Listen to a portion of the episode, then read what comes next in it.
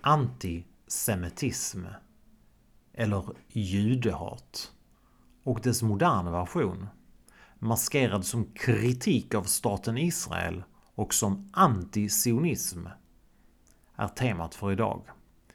Vi kommer att tala om hur antisemitismen bytt skepnad genom tiderna. Och vi kommer att tala om vikten av att tala klarspråk och så att säga kalla en spade för just en spade.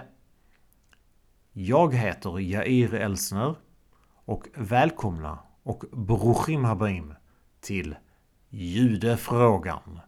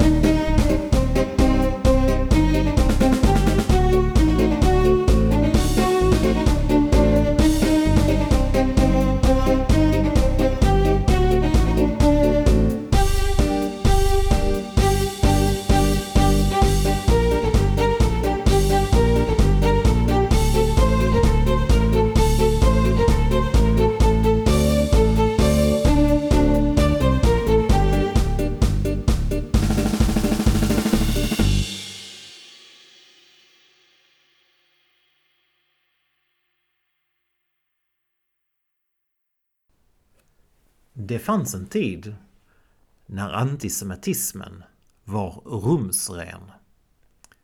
Begreppet antisemitism lanserades under det sena 1870-talet av judehatare som ett sätt att distansera sig från religiöst baserat judehat där temat var judarna som Kristi mördare och eh, för att höja sig över pöbelns vulgära språkbruk. Man eh, paketerade genom ordet antisemitism och med ackompanjerande rasbiologiska teorier judehatet som något vetenskapligt och intellektuellt. Att prata klart och tydligt om judar var inte längre comme il faut. Det lät inte så bra. Antisemitism lät betydligt mer kliniskt och respektabelt. Låt oss för ett ögonblick låta det sjunka in att det fanns en tid när man talade om antisemitism som något som inte bara var legitimt utan något som deras anhängare, judhatarna, självsäkert kunde identifiera sig som. Ungefär som man idag kan säga att man är libertarian och feminist så kunde man då utan större konsekvenser deklarera att man är antisemit. Det svängde först efter andra världskriget och efter förintelsen av 6 miljoner judar. Antisemitismen fick då dåligt rykte. Det lät inte längre så bra. Och sedan dess fram till vår tid kan ingen som vill accepteras i möblerade rum tillåta sig att öppet identifiera sig som antisemit.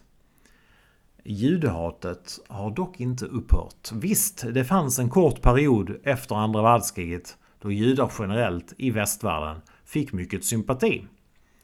Detta uttryckte sig inte minst i omröstningen i FN 1947 om att dela eh, det Palestina som britterna dittills styrt i två delar, varav en skulle bli en judisk stat. En stor majoritet av världens länder röstade då för Däribland både USA och Sovjetunionen och även Sverige.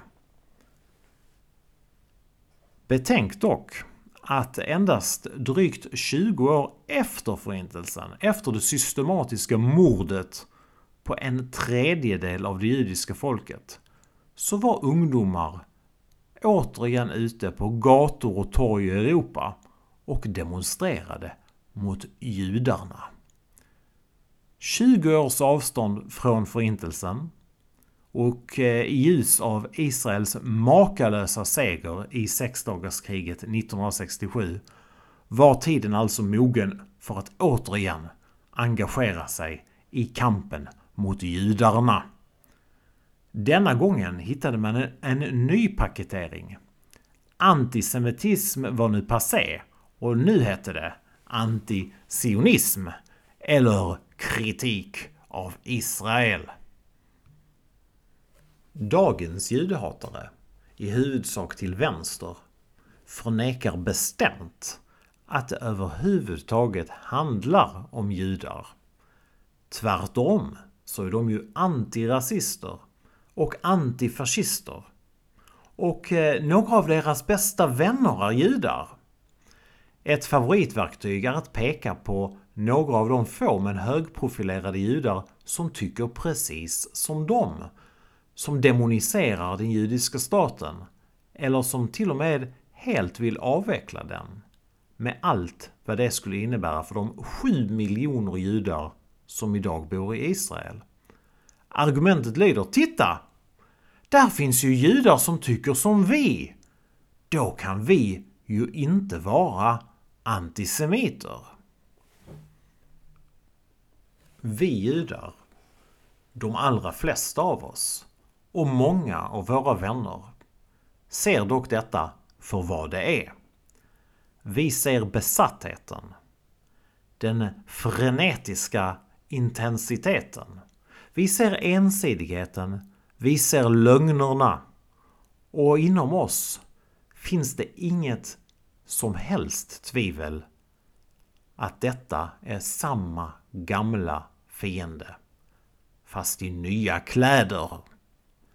Min pappa, som själv satt i koncentrationslägret Buchenwald och som flydde förintelsen brukade säga att det moderna judehatet inom den politiska vänstern bland människor som före detta utrikesministern Sten Andersson eller Pierre Schori eller Jan Guillou eh, inte är ett hat på det viset att man, eh, att man skulle bli skogstokig om ens dotter dejtat en jude. Eller på det viset att man inte skulle kunna vara kompis med en jude. Det kan de. Det skulle de acceptera. Det är istället en djup motvilja mot den starke, rakryggade juden. Mot juden som bär vapen.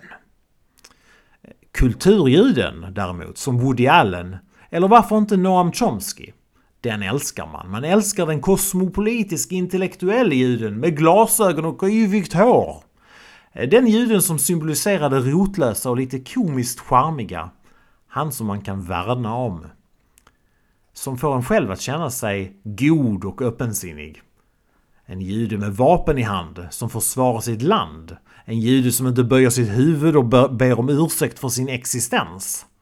En sådan jude får det däremot att krypa i skinnet på dessa vänstermänniskor. Något känns så fel med den bilden. Det är ju inte så som judar skall vara. Kriget i Gaza har givit de moderna judehatarna en fantastisk möjlighet att hamra hem sitt budskap. Vad kan väl vara bättre för dessa människor än en bild på en död bebis? Som man kan skylla judarna för. Eller Israel, eller sionisterna som man ofta hellre vill kalla dem. Låt oss eh, ta upp ett aktuellt exempel från Veckorevyns chefredaktör Irena Påsar och från en artikel som hon skrev i Aftonbladet den 1 mars 2024 efter att en tragedi inträffat i Gaza när kalabalik uppstod kring en matleverans där runt 100 palestinier dog framförallt på grund av en fruktansvärd trängsel där de trampade ihjäl varandra. Naturligtvis tycker Irena Posa att det är judarnas fel. Vi skulle kunna gå igenom rad efter rad i artikeln som är fylld till bristningsgränsen av Påsas egna uppdiktade fantasier. Men vi ska nöja oss med ett par enstaka exempel. Påsar skriver utifrån en påhittad israelisk soldats perspektiv. Och nu citerar jag. Kolla! De beter sig som djur! De trampar på varandra och slåss om mat. Barbarer! Nu ska de skingras. Det blir en kul lek. Vem springer snabbast? Slutcitat. Var får Påsar detta ifrån? Varför tror hon sig veta vad israeliska soldater tänker? Varför utgår hon från att de tänker som blodtörstiga, sadistiska monster? Jag ska berätta varför. Det är för att det rör sig om judiska soldater. Ett slags demoniska gestalter som representerar den monumentala ondskan i världen. Djävulens agenter.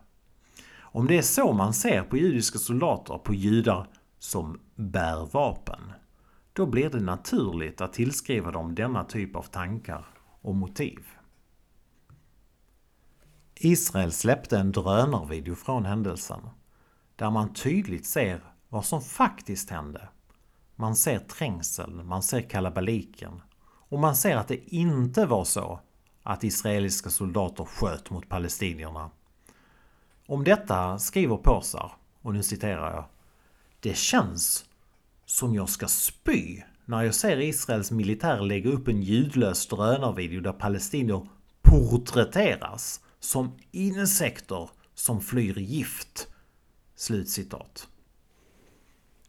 Porträtteras? Vad pratar påsar om? Detta är en drönarvideo. På en drönarvideo, som alltså filmas högt uppifrån, ser människor på marken ut som små svarta prickar. Det är så det ser ut. Det är ingen som porträtteras här överhuvudtaget. Varför associerar Påsar till insekter egentligen? Varför antyder hon att det är så israelerna ser på palestinierna? Jag ska svara på den frågan också. Det är för att hon vill måla upp bilden av juden med vapen. Av juden som försvarar sig själv och sin familj och sitt land som en satanisk figur. Påsar och hennes vänner kommer aldrig att erkänna att de är antisemiter. De kommer aldrig att erkänna att det handlar om just judar. Och att det är det och inget annat det rör sig om. Jag skulle tro att de inte ens inom sig själva erkänner detta. Men det är viktigt att vi aldrig slutar kalla dem för vad de är. Att vilja beröva judar sin rätt till självförsvar, att demonisera judiska soldater, att tillskriva dem monstruösa egenskaper helt utan någon som helst grund. Det är fientlighet mot judar. Det är en form av judehat. Det är antisemitism. Låt oss dock avsluta positivt och konstatera att trots våra fiender, vare sig det rör sig om Hamas-terrorister eller om skribenter på Aftonbladet, så är vår situation idag faktiskt mycket bättre än för 80 år sedan. Vi har många allierade och äkta vänner, även här i Sverige. Och vi har Israel. Och vi har den israeliska armén. Och med det tackar jag er härmed för att ni har lyssnat på detta avsnitt av Judefrågan.